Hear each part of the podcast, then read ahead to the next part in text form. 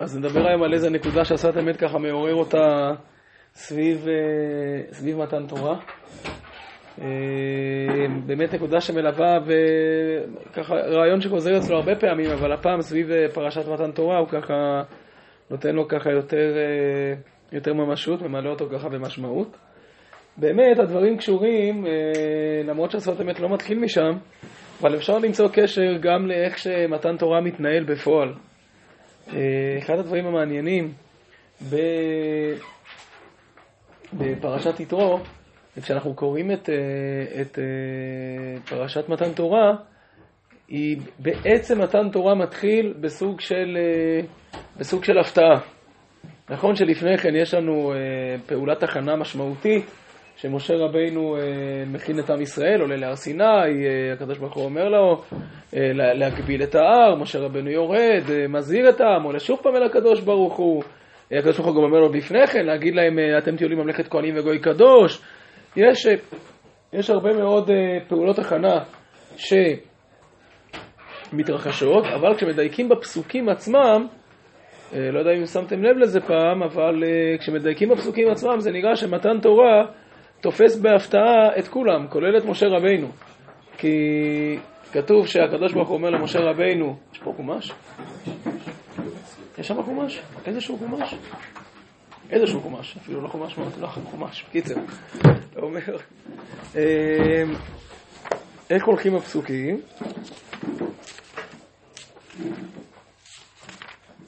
שנייה.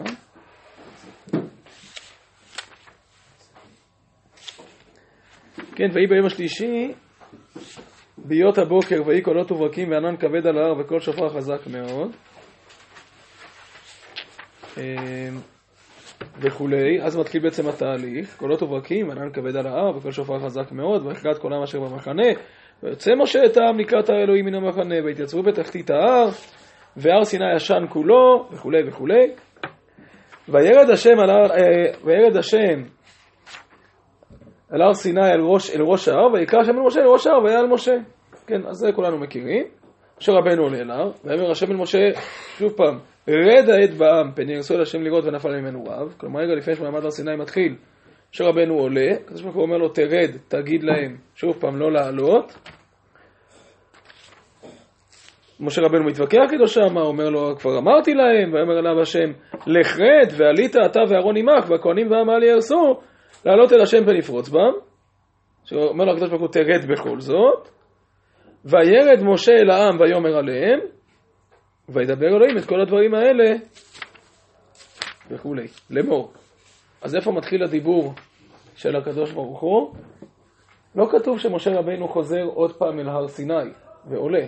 הקדוש ברוך הוא אומר לו, תרד, תעיד בעם, משה רבנו יורד, ופתאום, במפתיע, מתחיל הדיבור האלוקי שוב פעם של מעמד הר סיני. שקויה.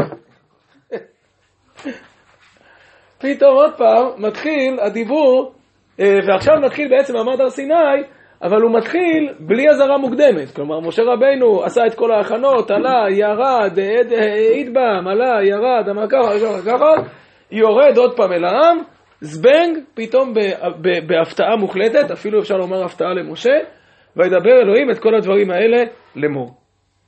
אה, אז יש פה משהו כבר בתוך ה... כבר בתוך התיאור של הפרשה עצמה, יש, יש משהו מפתיע.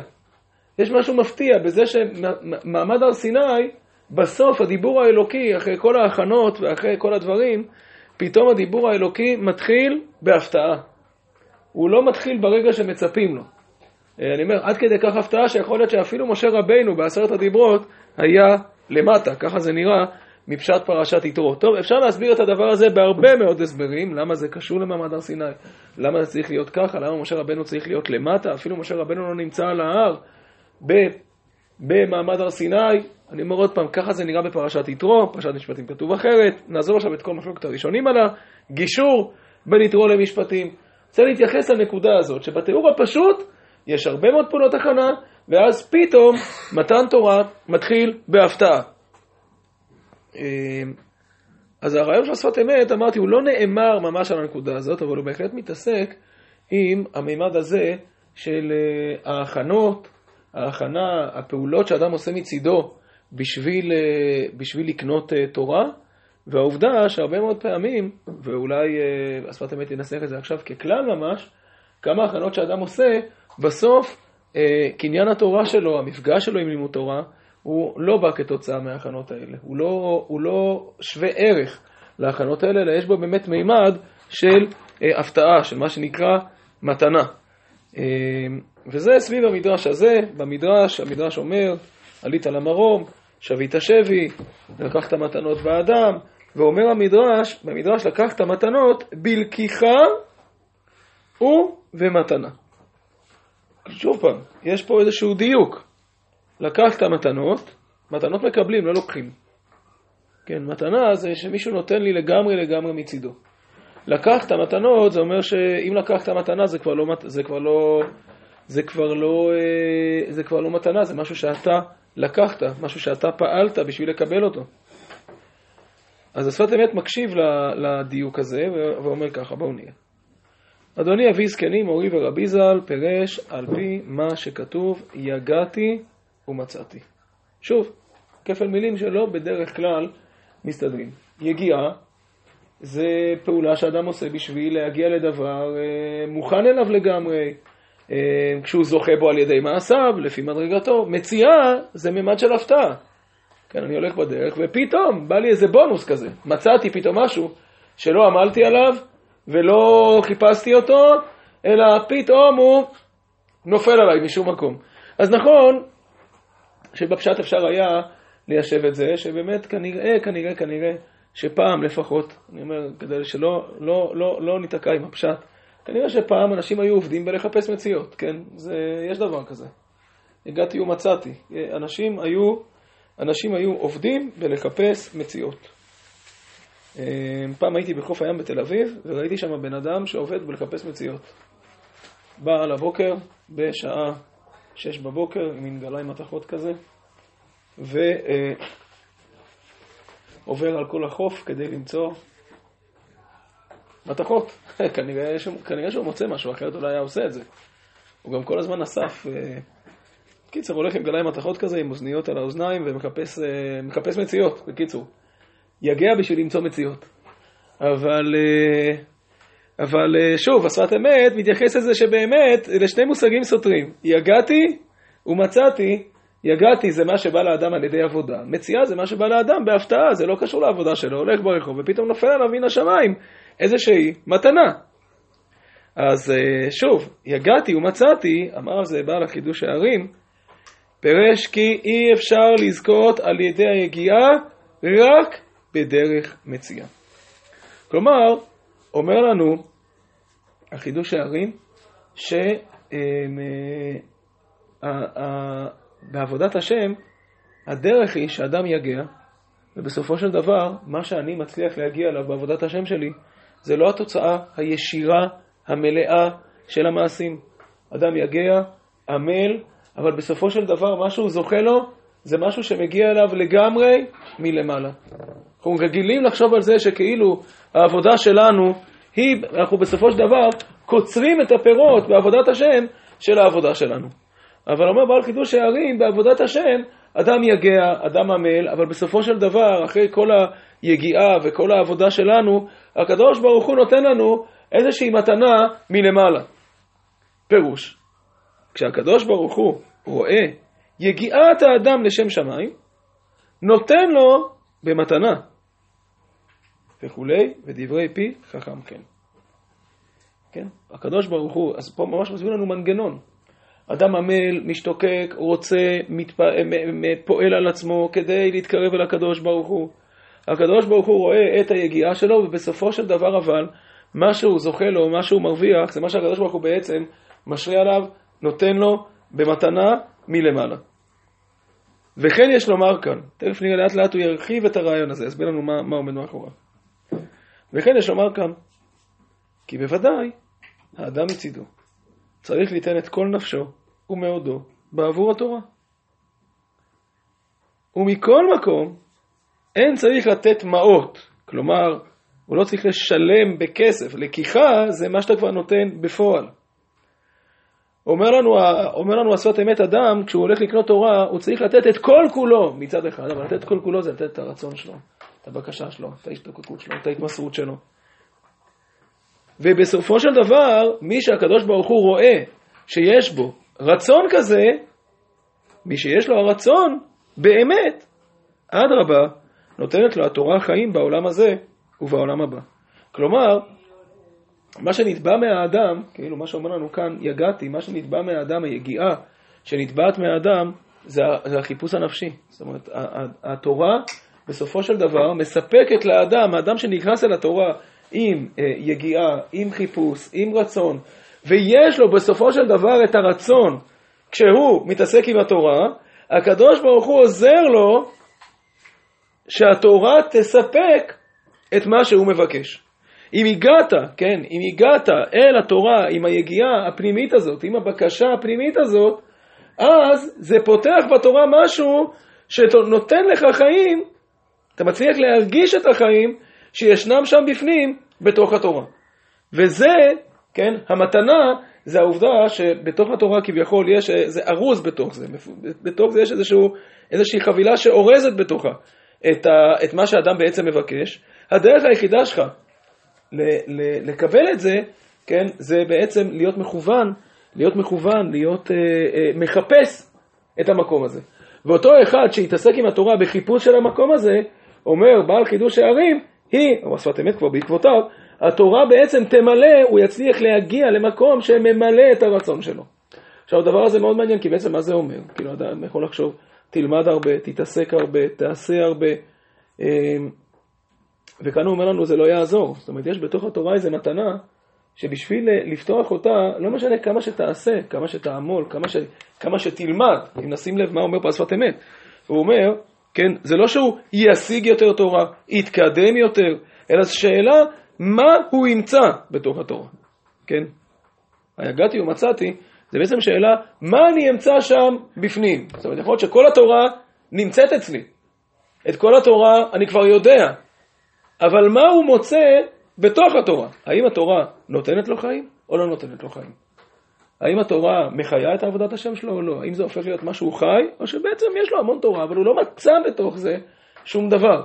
אז היגעתי ומצאתי, אומר בעשת אמת, אותו אדם שהרצון שלו הוא באמת שהתורה תחיה אותו, ואת כל כולו הוא נותן בעבור הדבר הזה, את כל החיים שלו הוא נותן על הדבר הזה, הוא זוכה למצוא בתוך התורה את מה שאנשים אחרים אולי לא ימצאו, גם אם יהיה להם המון תורה בכיס שלהם. טוב, זה נקודה אחת. עכשיו נראה לאט לאט איך הוא מרחיב את, ה... את העיקרון הזה פה באמת אה, לעוד הרבה דברים, אז בואו נראה, בשנים הרבה יותר מתקדמות. במדרש, עלית למרום, שבית שבי, יכול מפני ששבה אותה נטלה חינם? תלמוד לומר, לקחת. יכול צריך ליתן דמים? תלמוד לומר, מתנות. כן, אז המדרש פה מתנועע ממש, יש פה כל מיני ביטויים, כן, שמתארים, כשבאמת כשאנחנו קוראים אותם, הם מתארים דרכים שונות לפגוש את התורה או לקנות אותה. אה, שבית השבי זה משהו אה, אלים, זה לקחת מעצמך. אז שואל המדרש, נטלה חינם? תלמוד לומר לקחת. אה, ליתן דמים, אז מה זה לקחת? מקח זה אומר שאתה צריך לתת משהו בשביל זה. תלמוד לומר, מתנות. אז יש פה איזה ניסיון לאזן, לשאול איזה תנועה מדויקת היא התנועה שנותנת לאדם בסופו של דבר את, ה, את התורה, את הקשר אל התורה. והנה באמת התורה מיוחד לבני ישראל מתחילת הבריאה. כמו שאמרו חז"ל, בשביל התורה שנקראת ראשית, ובשביל ישראל שנקראו ראשית. ולכן הייתה התורה למעלה שבי. כן, בואו נשים לב קודם כל, מה, איך השפת אמת קורא פה את המדרש. לקחת שבי זה לא שאתה לקחת את התורה בשבי, אלא לקחת את התורה שהייתה שבויה למעלה.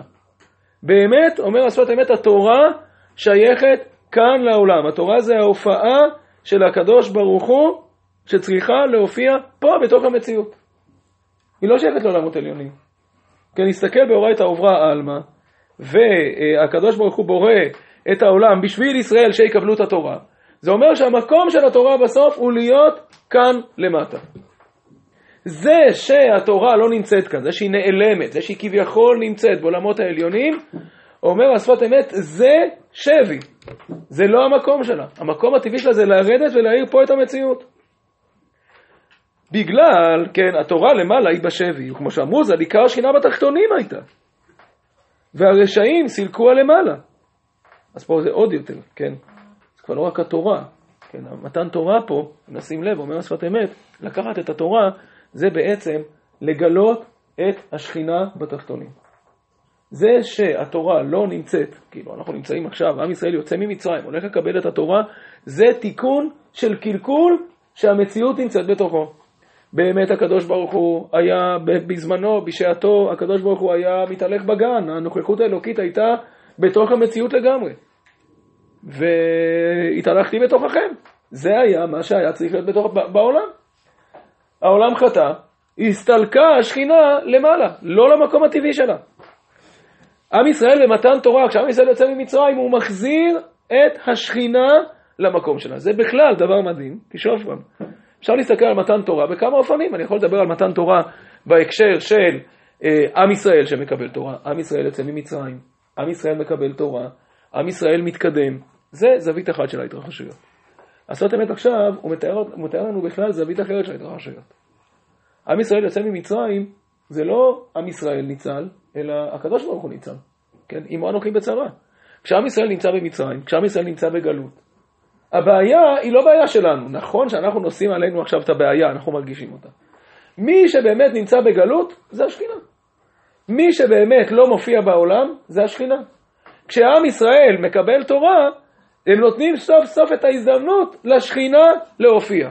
כן, הגאולה של עם ישראל בסוף זה לא הגאולה שלנו, זה הגאולה של הקדוש ברוך הוא, שהיה צריך להופיע פה בעולם, והגלה בתוך העולם, והסתתר בתוך העולם, ולא יכול להופיע כמו שצריך. ועכשיו, כשאנחנו ניגשים לקבל תורה, שכינה חוזרת לתחתונים.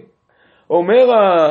אומר השפת אמת, שביט השבי זה בעצם אתה גאלת, פדית את השכינה מהשבי שלה.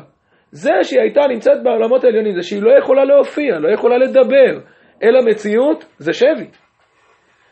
ועל זה כתוב, להיפרע מן הרשעים שמאבדים העולם, וליתן שכר טוב לצדיקים שמקיימים העולם שנברא בעשרה מאמרות.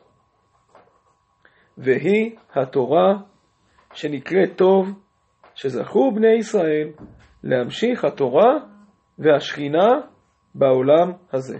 כן? ליתן שכר טוב לצדיקים, זה לתת את התורה למי שרוצה להמשיך ולקיים ולהופיע את התורה בתוך המציאות. כן, אז העולם נברא, אמ, אה, זה מה שהוא אומר כאן, שבעצם העולם נברא בעשרה מאמרות כדי לתת את האפשרות לאותם אלו שרוצים באמת להופיע את השכינה בתוך עולם כזה מורכב, מסובך, נעזוב, זה לא הנקודה שלנו כרגע. בסדר.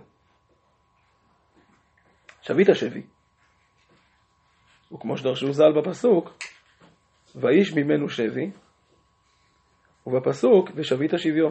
מה דרשו שמה? אני לא יודע. מישהו יודע מה דרשו שמה?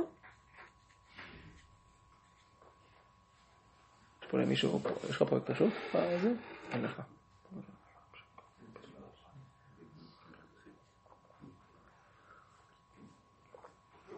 טוב, לא יודע. בסדר, נעזוב, בואו נמשיך. אני מאמין שזו אותה נקודה שדיברנו עליה. זאת אומרת שהוא לקח בעצם את שלו, אבל לא יודע, צריך לבדוק את זה. ולכן, הווה אמינא שיתלנה חינם, הואיל ושייכת לבני ישראל. או שביט השבי, עוד פעם, הביטוי שביט השבי זה לא שלקחת בשבי משהו, אלא שחררת מהשבי מישהו שלקחו לך. ולכן הווה אמינא שיתלנה חינם, הואיל ושייכת לבני ישראל. כן, עכשיו צריך להבין שהמשפט הזה הוא לא סתם משפט אה, היסטורי, אלא זה בעצם משפט שהשפת אמת שואל על כל בן אדם. כלומר, התורה, מה שאומר לנו כאן, התורה בסופו של דבר, היא הדבר שהכי טבעי והכי קשור לכל אחד ואחד מעם ישראל. כן, כשבן אדם עכשיו בא ללמוד תורה, בא ללמוד תורה, בא להשרות על עצמו שכינה, בא לעבוד את השם, אז התחושה הבסיסית של כל אחד מאיתנו זה שאנחנו מתעסקים עם משהו שהוא לא הדבר הכי פשוט לנו. זה נראה לנו חיצוני, זה נראה לנו לא חלק מאיתנו, אבל מה שאמרנו הרגע זה, מה כתוב? בדקת? שבי זה קנייה בחוזקה. רש"י כותב. אוקיי, אז מה דרשו חז"ל, מה הוא מתכוון? כאילו, טוב, בסדר.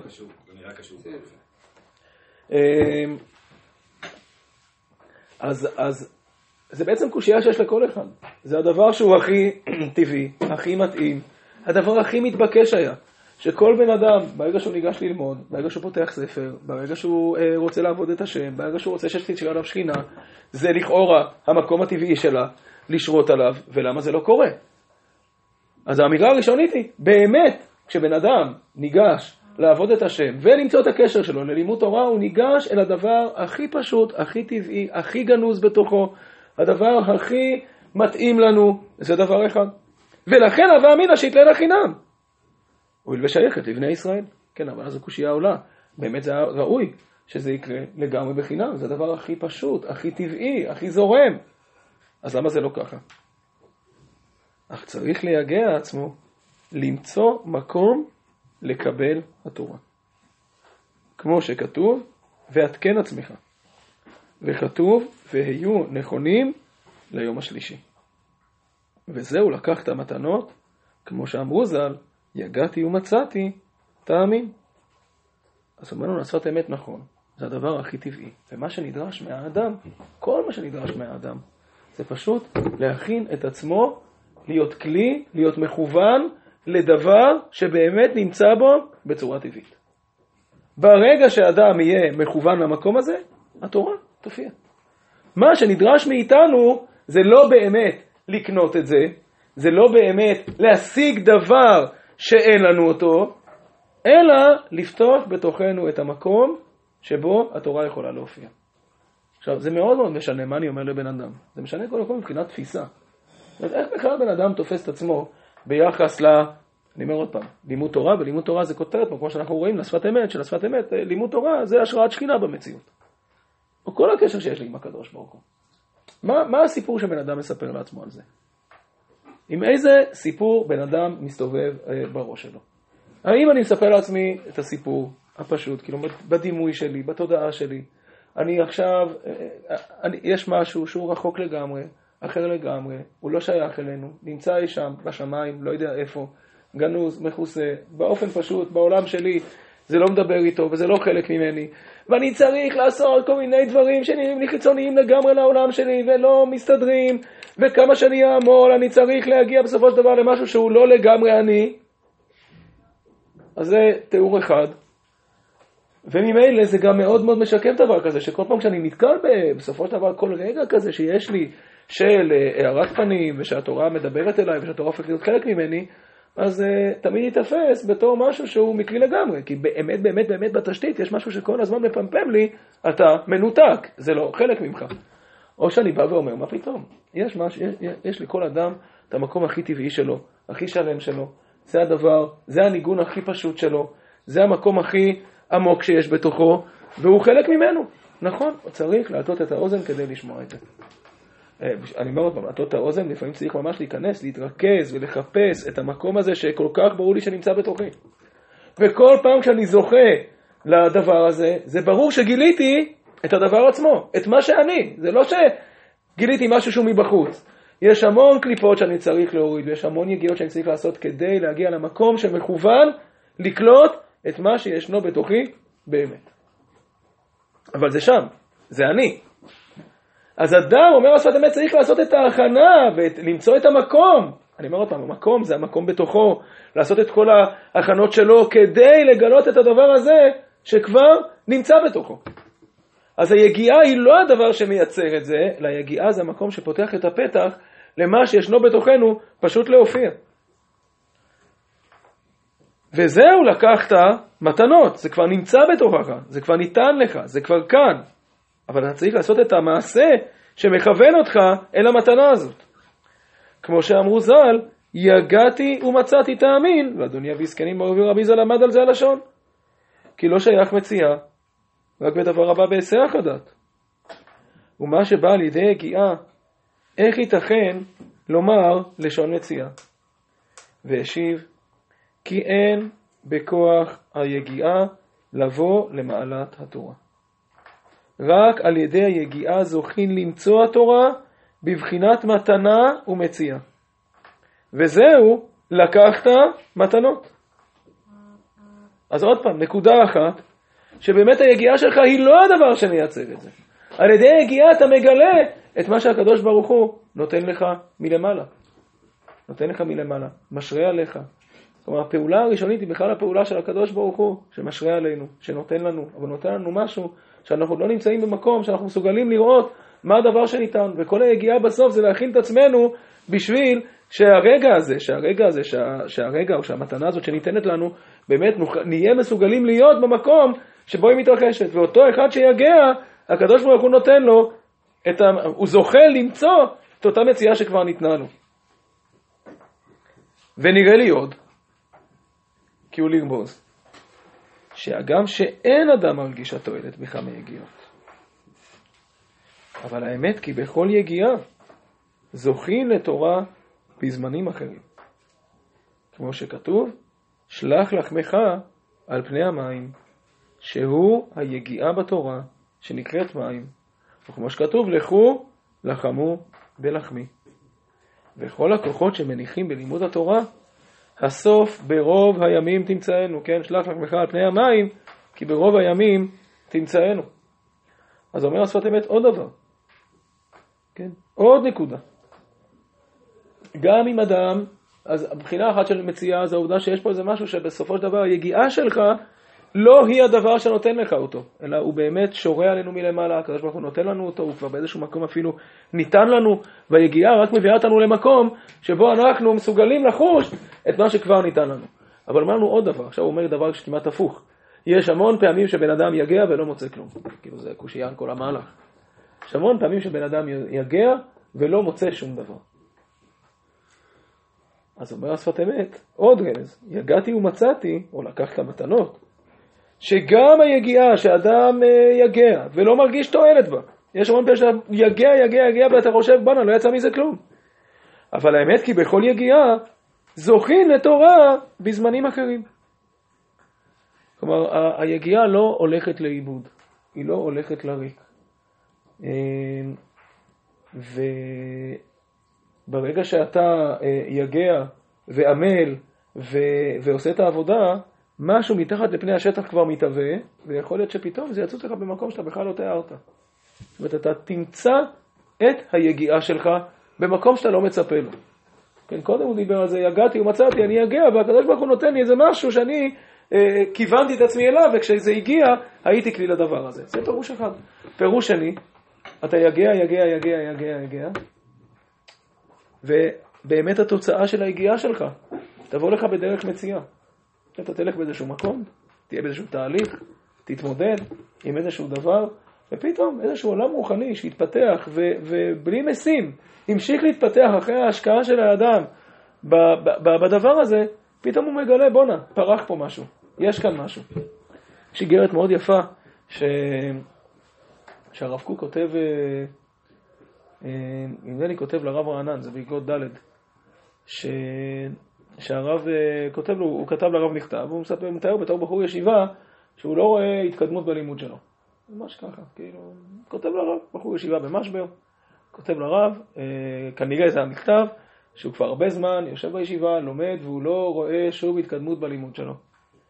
אה, ואז הרב כותב לו שמה, נדמה לי שהרב מתחיל את זה ככה, הרב אומר לו, הנני מלומד מניסיון, שלא, ש... אני כבר לא זוכר את המשפט המדויק, אבל שפרי הלימוד, ככה הרב כותב לו, לא נראה מפעם לפעם.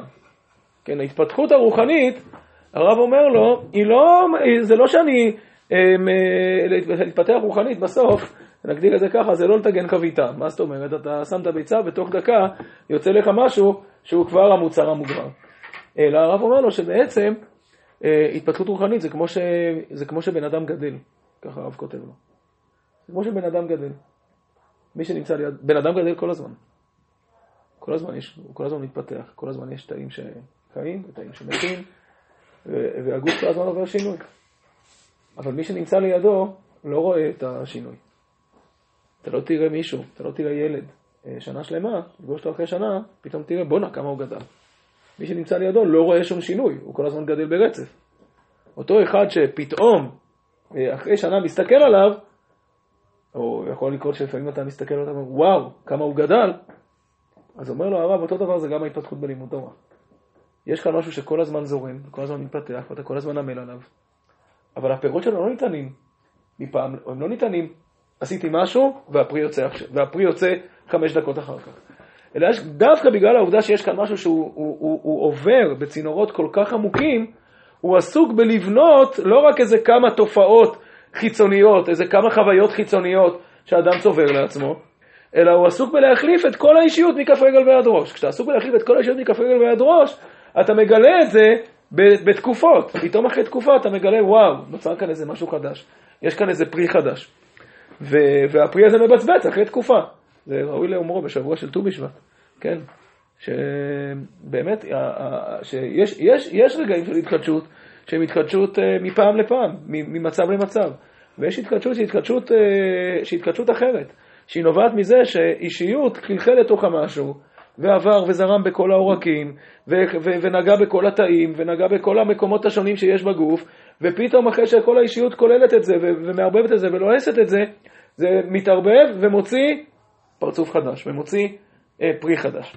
אז השפת אמת מתאר כאן משהו מאוד דומה. הוא אומר, יש יגיעה שאדם יגע, ויגע ויגע ויגע, והוא לא יודע בדיוק, ו- וזה, ו- ו- ולא ברור מאיפה פתאום יצא הפרי של היגיעה הזאת. ופתאום אתה ממשיך ללכת את מהלך החיים שלך, ומתברר שאחרי תהליכים עוד ארוכים של יגיעה, של עבודה, של עמל, הוא פתאום אה, מוצא פתאום פרי חדש, שהוא לא ידע עליו. כן, והפרי הזה הוא תוצאה של כל מיני תהליכים וכל מיני עבודות וכל מיני יגיעות שעברנו בחיים שלנו, והשתלבו אחד בשני, ויצרו משהו חדש, ו... ווואו, והנה תמצא. וכל הכוחות, זה מה שאומר כאן, וכל הכוחות שמניחים בלימוד התורה, הסוף ברוב הימים תמצאנו. כן?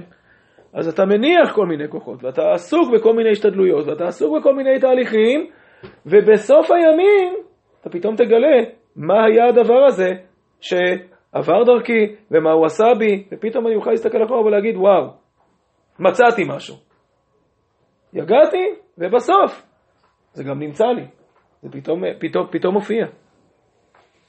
כי התורה למעלה מן הטבע. אכן, הקדוש ברוך הוא נתן זמנים ושעות שנפתחים שערי התורה. וכפי היגיעה בחולט בתורה, זוכים לזו השעה שנפתח שער התורה. כן, אז הוא מוסיף פה עוד נקודה ואומר, היגיעה מכינה את האדם לזה שבסוף, כשיהיה איזשהו רגע שמשהו באמת יוכל להופיע, הוא לא יאבד אותו. יש בתורה משהו שלא זורם לפי הכללים של הטבע שלנו. היא נמצאת למעלה מן הטבע. ויש רגעים שפתאום היא מבליחה, יש זמנים, יש שעות, השעות האלה זה זמנים בשנה, זה גם זמנים בנפש. שפתאום נפתח איזה פתח להרגיש את מה שישנו שמה בעולם הזה שמעל הטבע. האדם הזה שעבד ועמל והכשיר את עצמו וזיכך את עצמו ובנה את, את הפתח הזה לזה שכשמשהו מופיע הוא יהיה קשוב לזה, הוא יהיה רגיש לזה, אה, העולם שלו מכוון לזה, באותו רגע שהקדוש ברוך הוא יעיר לו, יצליח גם ללכוד את זה.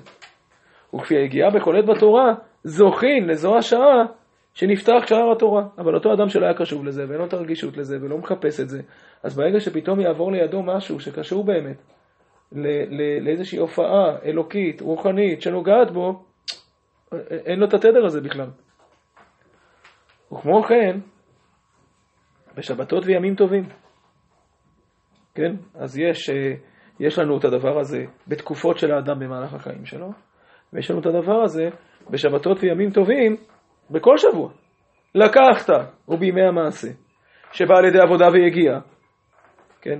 בכלל, כל ימי המעשה הם בעצם מביאים לידי ביטוי את זה שיש עולם שצריך לתקן אותו, צריך לעבוד עליו, צריך לעמול בו. התחושה הבסיסית היא תחושה של ריחוק מהקדוש ברוך הוא, ושל מקום שצריך תיקון, ולכן אלה ימי מעשה, ימי מלאכה. שבת, עוד פעם, זה מציאה. אדם מגיע לשבת, ופתאום, בלי שום קשר, כל מה שצריך זה לשבות, וקביעה וקיימא. העולם האלוקי מופיע אליו. כן, אבל מי שטרח בערב שבת, יאכל בשבת. רק אדם שבאמת היה מכוון לזה, ועמל על עצמו, שכשתופיע שבת לגמרי מלמעלה, זה יעשה לו משהו. אז כששורה השבת, כששורה ההופעה הזאת, הוא כלי לקלוט את זה. אז, אז הוא אומר, לקחתו בימי המעשה, שבא לידי עבודה והגיע. ועל זה כתוב שיש למין תעבוד וכולי, מלאכתך, מלאכתך, הכוונה, כן, לא מלאכתך תלך לעבודה, אלא מלאכתך זה יגיעת האדם, העבודה המוטלת עליך, בזיכוך שלך, בהתקדמות הרוחנית שלך, ויום השביעי להשם. יום השביעי מוטל על הקדוש ברוך הוא, להשם, להעיר לך, שהוא המתנות. כמו שכתוב, מתנה טובה יש לי. שהארה המתגלה בשבת קודש, אי אפשר להשיג בכוח יגיעת האדם. רק במתנה כנ"ל. כלומר, שוב פעם, הדוגמה הזאת של ימי המעשה בשבת היא דוגמה מצוינת. כי בעצם אומר השפת אמת, הנה, אדם עמל ומזכך את עצמו ועובד על עצמו, אבל כמה שאתה תצליח ואיזה פסגות רוחניות שתגיע אליהן כתוצאה מהעבודה שלך בימי המעשה, זה לא מדגדג כלום מהעולם שפתאום כולנו עוברים אליו בשבת, שזה פשוט עליית מדרגה, זה פאזה אחרת לגמרי. ובכל זאת, כן, אז זה מתנה טובה, הוא אומר, זה מתנה טובה, זה מתנה שווה, אתה לבד לא יכול להגיע למדרגות כאלה בכלל, זה משהו שהוא לחלוטין תלוי באיזושהי הערה שלא מגיעה מהמקום שלנו. ובכל זאת, כן, על ידי העבודה של האדם, הוא פותח לו עצמו את הפתח לחוש את מה שניתן לו מלמעלה. ועל זה רמזו, לא עליך המלאכה לגמור. כי מאדם הוא ההתחלה, אבל להגיע אל התכלית הזאת של שבת הוא לא יכול לבד. כמו שכתוב, פיתחו לי כחודה של מחט. הוא יגיעת האדם בימי המעשה. ואנוכי אפתח לכם כפתחו של היכל ואולם, ובשבת קודש, כמו שכתוב, ביום השבת ייפתח.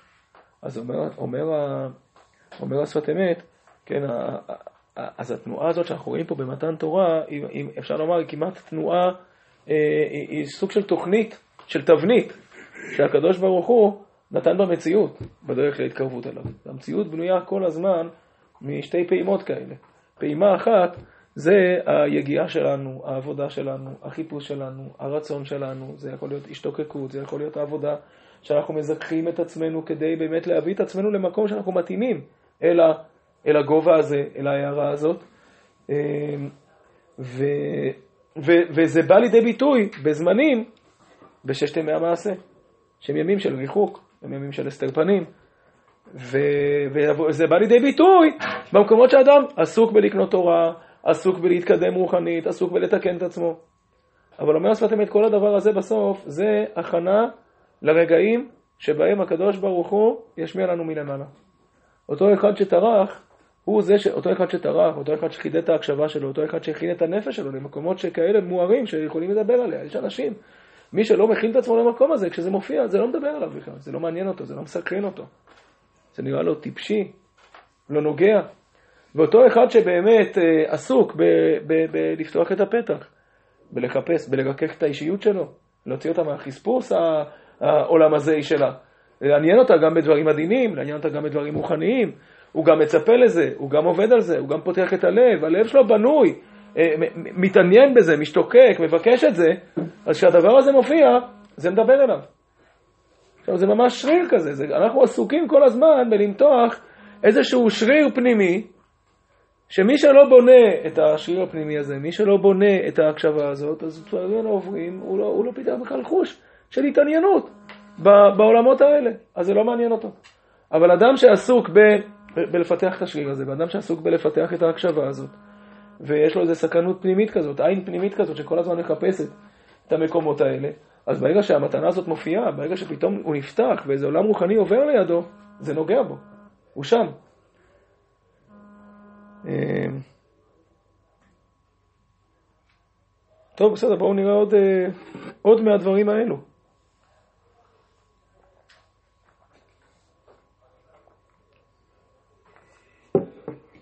בסדר, אז ממשיכים קדימה, תרנ. אמ, במדרש עלית למרום וכולי, לקחת, בלקיחה ניתנה לו, יכול שרב ייתן ממון, תאמר לו מתנות, ומתנה ניתנה לו וכולי, כבר כתבתי במקום אחר, פירוש מוריוס כניזל על מאמרם, יגעתי ומצאתי טעמים. כי היגיעה אי אפשר להיות כל כך שיזכה למעלת התורה שאין לה סוף. כן, שוב, מתחיל מזה שבאמת יגיעת האדם, מעשה אדם, לא יכולים להביא אותו בכלל למקום הזה של התורה. בסוף אתה בן אדם, התורה זה אין סוף. כמה שאדם יהיה עמל, להגיע אל האין סוף, אין לו אפשרות. בסוף אין חבוש מתיר עצמו מבית האסורים. כשאתה אדם נמצא פה בתוך העולם הזה, כמה מעשים שנעשה, אין לנו אפשרות לגעת במימד שהוא אחר לגמרי, אלוקי לגמרי. רק שעל ידי היגיעה זוכה למצוא בדרך מציאה וכולי. וזהו שנאמר, שניתנה לו במתנה. ומכל מקום אין אדם זוכה למתנה זו רק על ידי יגיעה, ונקראת לקיחה גם כן כנ"ל. כן, אז בגלל שאני זוכה לזה, קצת משלים לנו פה את מה שהוא לא השלים קודם, בגלל העובדה שאני זוכה לזה בסוף, כן? זה לא מתנה שניתנת לנו בלי שאנחנו מוכנים אליה, אלא אנחנו נעשים, ראויים אליה על ידי המעשים שלנו, לכן זה נקרא לקיחה. ועל זה נאמר, לקח טוב נתתי, שנקראת לקיחה ומתנה, שעל ידי התורה זוכה האדם לקח הטוב. כן, אז הוא מוסיף פה עוד פירוש לביטוי הזה. מה זה לקח טוב? לקח טוב, לקח זה כאילו דבר שאתה לא, לא רק לוקח אותו, אלא לוקח איתו. לקח טוב, כן, התורה, לא רק לוקחים אותה, אלא היא נקראת לקיחה. למה? כי על ידי התורה זוכה האדם לקח הטוב. וזהו עניין קבלת התורה ומצוות לבני ישראל. כמו שאמרו ז"ל, כבב כי לעולם חסדו, על כבב דורות שהיה העולם קיים בחסדו יתברך בלבד. כן, חז"ל אומרים לנו שאומרים כבב כי לעולם חסדו בהלל הגדול, למה? כי העולם התקיים כבב דורות על חסדו של מקום. וכשניתן התורה, מקבלים בני ישראל בכוח התורה ומעשיהם הטובים. אז אומר פה השפת אמת, צריך לשים לב. כן, מצד אחד על ידי שחיפשנו וביקשנו, זכינו למתנה הזאת שנקראת תורה, והתורה היא גם הדבר שמאפשר לנו להמשיך ולקחת, להמשיך ולהיות ראויים למתנות. קבב דורות שהעולם היה ניזון מחסדו של מקום, זה קבב דורות שבהם הקדוש ברוך הוא השפיע לעולם שבעצם לא ביקש אותו, לא חיפש אותו, לא עבד בשביל לזכות לחסד. אנחנו זוכים לחסד. כלומר, העולם שהקדוש ברוך הוא עד מתן תורה, זה עולם שהקדוש ברוך הוא נותן לו חסד בלי שהוא ראוי. אומר השפת אמת, מה שהתורה עושה לעולם, זה שהיא הופכת את העולם, גם התורה עצמה היא כלי שעל ידו העולם יכול להיות ראוי למתנה האלוקית, למתנה של ההערה האלוקית. כשניתן התורה, מקבלים בני ישראל בכוח התורה ומעשיהם הטובים. כן, אנחנו זוכים לחסד, זה הביטוי שהשפת אמת המון פעמים מדבר עליו. זה עדיין חסד, זה עדיין מתנה, אבל זה מתנה שמגיעה אלינו בזכות, כשאנחנו כבר ראויים לה. וכן הוא בשבת, שנקראת מתנה טובה. שוב פעם, מתנה טובה זה מתנה, לפי ההסבר שלו עכשיו, זה מתנה שמתאימה לנו. כי מאן דאכיל דלאו דילי בית להסתכלו לבי. כן, כשאתה נותן לבן אדם מתנת חינם, זה מתנה לא טובה, אומר השפת אמת. חסד, שהוא חסד של בושה, חסד שאדם לא ראוי לו, הוא לא חסד טוב. התורה ניתנה לנו בשביל להביא אותנו למצב שאנחנו ראויים למתנה. ולכן הכין הקדוש ברוך הוא שיזכה האדם לעולם הבא על ידי העבודה בעולם הזה. וכמו כן יזכה לשבת על ידי היגיעה בימי המעשה. וזהו ההפרש שבין עובד אלוקים, שהקדוש ברוך הוא מטיב לכל, אבל לבני ישראל נתן הטובה בבחינת לקיחה שיקחו הם במעשיהם. מה הוא מתכוון להגיד פה? לא הבנתי. וזהו ההפרש שבין עובד אלוקים, שהקדוש ברוך הוא מטיב לכל, אבל לבני ישראל נתן תורה בכלל שיקחו הם במעשיהם. לא הבנתי. מישהו הבין מה הוא אומר פה? שהם צריכים לעבוד כדי להגיע לנקודת אלוקים. הקדוש ברוך הוא מטבעו הוא מטיב לכל. בצורה טבעית, והאדם היהודי, איש ישראל, כאילו, אז ההבדל בין עובד אלוקים לבני ישראל? לא, לכל, כאילו, כל העולם אולי, הקדוש ברוך הוא מטיב לכל. אה, זה ההבדל בין עובד אלוקים לזה שהקדוש ברוך הוא מטיב לכל. אתה אומר, ככה צריך לקרוא את זה. אה. זה ההפרש שבין עובד אלוקים, שהקדוש ברוך הוא מטיב, שבין עובד אלוקים, שלוש נקודות. ככה צריך להגיד פה, אוקיי. שהקדוש ברוך הוא מטיב לכל, כן, כי לעולם חסדו. אבל לבני ישראל נתן הטובה בבחינת לקיחה, שיקחו הם במעשיהם. כלומר, הוא מוסיף לנו פה עוד נקודה על מה שהוא אמר קודם, זה, כי, כי קודם השפת אמת מאוד מאוד חידד את זה, שגם מה שאנחנו בסוף זוכים, כן, גם מה שאנחנו בסוף זוכים על ידי לימוד תורה, זה בבחינת מתנה. זה צד אחד של המטבע. עכשיו בקטע הזה הוא בא ואומר לנו אבל, שגם מה שאנחנו זוכים, גם המטרה שאנחנו מקבלים בתורה, זה על ידי יגיעה. שני צדדים של אותו מטבע. זאת אומרת, מצד אחד, אנחנו יגעים ומקבלים במתנה. הקדוש ברוך הוא נותן לנו בסוף במתנה. זה צד אחד של המטבע. אל תחשוב שהיגיעה שלך היא הדבר שבסופו של דבר אתה אוכל רק את הפירות שלו. היגיעה שלך מכינה אותך לקבל מתנה הרבה יותר גדולה מלמעלה. זה צד אחד. צד שני, כן? המתנה היא דווקא על ידי יגיעה. מתנות בלי יגיעה, הקדוש ברוך הוא נתן לעולם כ"ו דורות כבר קודם. חסד שהוא חסד סתמי, שהוא לא מתאים למקבלים, שהמקבלים לא מבקשים אותו, שהמקבלים לא עובדים עליו, את זה הקדוש ברוך הוא נתן כ"ו דורות גם קודם מתן תורה. השינוי הגדול, אומר השפת אמת של מתן תורה, זה שאת המתנה אנחנו מקבלים על ידי יגיעה. וזהו שנאמר, לקחת מתנות באדם, ועל זה נאמר מרב טובך אשר צפנת. כן? לקחת את כל הטוב הזה וצפנת, שזה טוב האמת, שהוא מטמון שהטמין הקדוש ברוך הוא, והזמין לבני ישראל שימצאו הערות הגנוזות על ידי עבודתם בתורה ומצוות. זאת אומרת, אומר השפת אמת, מה שהקדוש ברוך הוא עשה, הוא נתן לנו את האפשרות לזכות, שוב פעם, בהערות גנוזות, זה לא שאנחנו ממציאים את ההערות האלה. יש כאן כל מיני הערות גנוזות במציאות, באדם, בתורה, שהקדוש ברוך הוא נתן אותם, הטמין אותם, אבל הוא לא שם אותם על השולחן. הוא נתן לנו אותם, אבל נתן אותם באופן כזה שהם צפונים, באופן כזה שהם נעלמים. למה? כדי שאנחנו נעשה את התנועה אליהם, כדי שאנחנו נעשה את החיפוש אליהם, כדי שכשאנחנו מגלים אותם, הם יהפכו להיות חלק מאיתנו, הם יהפכו להיות מתאימים לנו. זאת אומרת, הרצון בסוף, בכל המהלך הזה, בכל, ה, ב, ב, בכל הצורה הזאת של לתת ככה את החסד, הוא עצמו חסד. הרצון הוא להעמיק את החסד. הקדוש ברוך הוא לתת את החסד יכול היה מצידו כבר קודם, אבל אז החסד לא טוב. למה? כי בסדר, אדם נפגש עם איזושהי הערה אלוקית, אבל היא לא משהו שהוא פנימי אליו. זה לא משהו שהוא חלק ממני, זה לא משהו שאני התאמתי את עצמי אליו. לתת את ההערה האלוקית אחרי שאנחנו חיפשנו אותה, אחרי שאנחנו פתרנו את הדרך אליה, אחרי שאנחנו עברנו את התהליך בדרך אליה, זה, כן, זה אומר השפת אמת, חסד שבו הקדוש ברוך הוא נותן לנו, את, נותן לנו אותו, נותן לנו את ההערה שלו, כמו שהיא באמת מתאימה לנו, כמו שהיא הופכת להיות חלק עמוק מאיתנו, חלק, תופסת חלק משמעותי בתוכנו. אז הדרך לתת את זה, זה מה שהוא אומר כאן בצורה מאוד יפה, הדרך לתת את זה זה אה, לתת את הטוב, אבל להצפין אותו.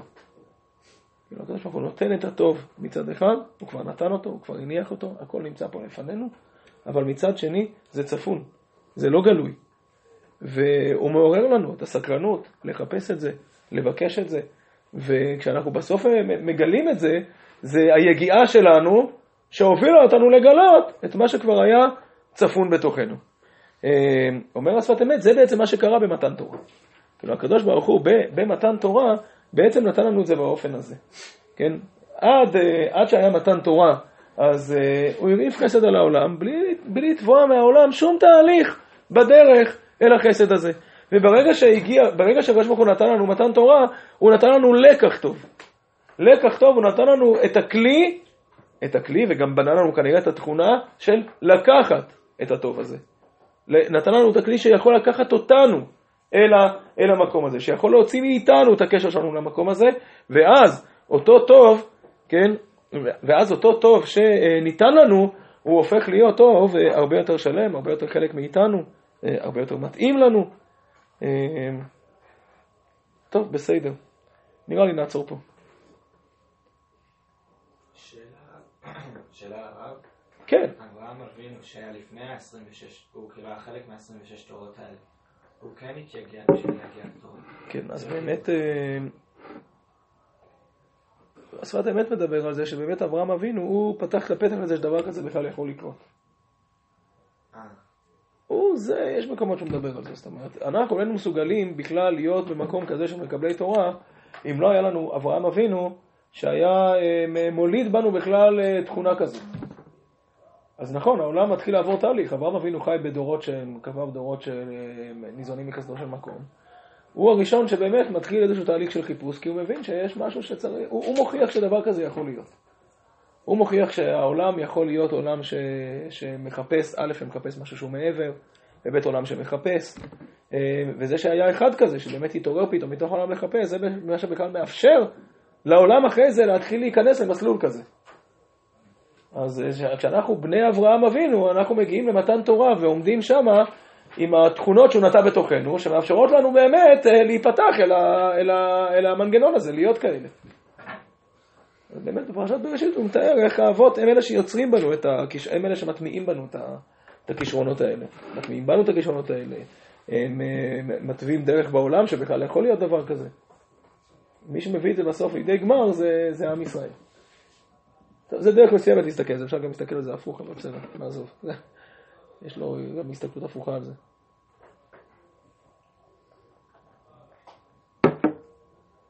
אמ, טוב, בסדר, שכוייך.